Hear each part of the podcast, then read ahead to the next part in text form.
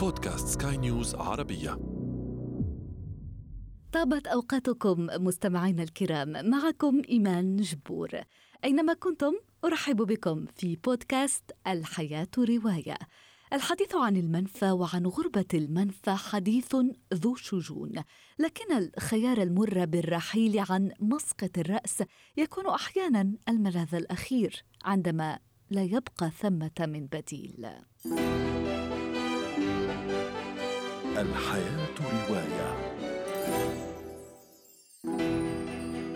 سجن الوطن ولا حرية المنفى يقول الكاتب المغربي محمد شكري. ومعه يختلف كثيرون ممن فضلوا الرحيل بعدما ضاق بهم الوطن وصار هو نفسه بمثابة المنفى.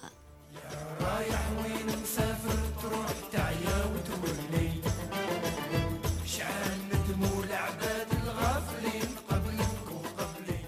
25 سنة انقضت في منفاه الباريسي الاختياري. لم يزر خلالها آدم وطنه قط. حتى رن الهاتف في إحدى الليالي يوقظه من سباته. مكالمة من الوطن تخبره بأن أحد أقرب أصدقائه على فراش الموت ويتمنى رؤيته.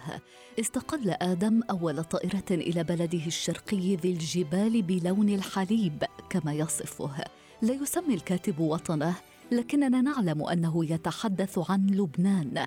بلد أمين معلوف مؤلف هذه الرواية لديزوريونتي أو التائهون. فماذا يحدث عندما يلتقي التائهون في إحالة على أصدقاء آدم القدامى وعلى بني جلدته عموما؟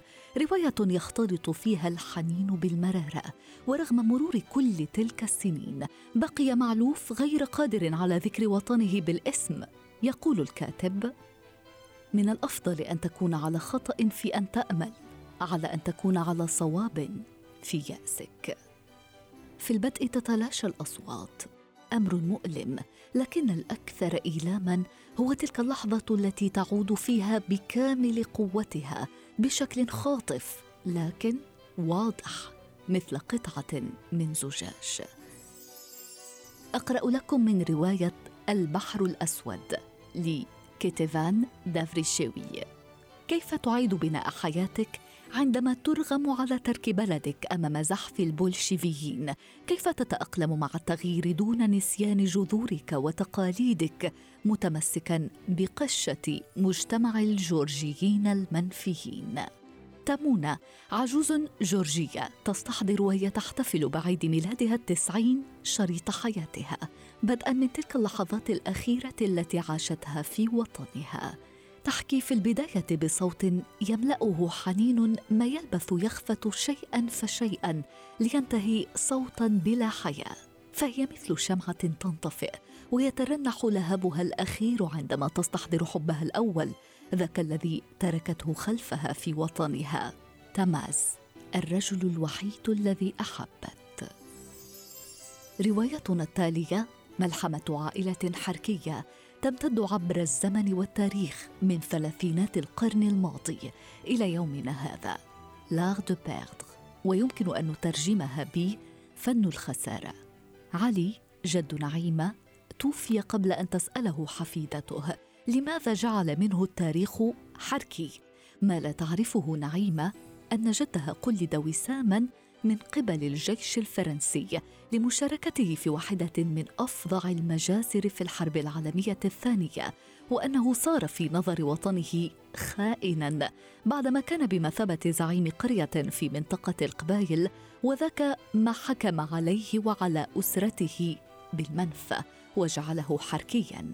المصطلح الذي يطلق على الجزائريين الذين تواطؤوا مع فرنسا في حربها ضد بلدهم الجزائر. وفي هذا الخضم تروي الكاتبة الفرنسية أليس زينيتر مصير أجيال متتالية من عائلة محبوسة في ماض عنيف بين فرنسا والجزائر. يمكنك أن تأتي من بلد دون الانتماء إليه هناك أشياء تضيع منا. يمكن أن تخسر بلدا تقول الكاتبة. الحياة رواية. وفي ختام هذا العدد أشكر لكم وفاءكم وطيب إصغائكم مستمعينا الكرام.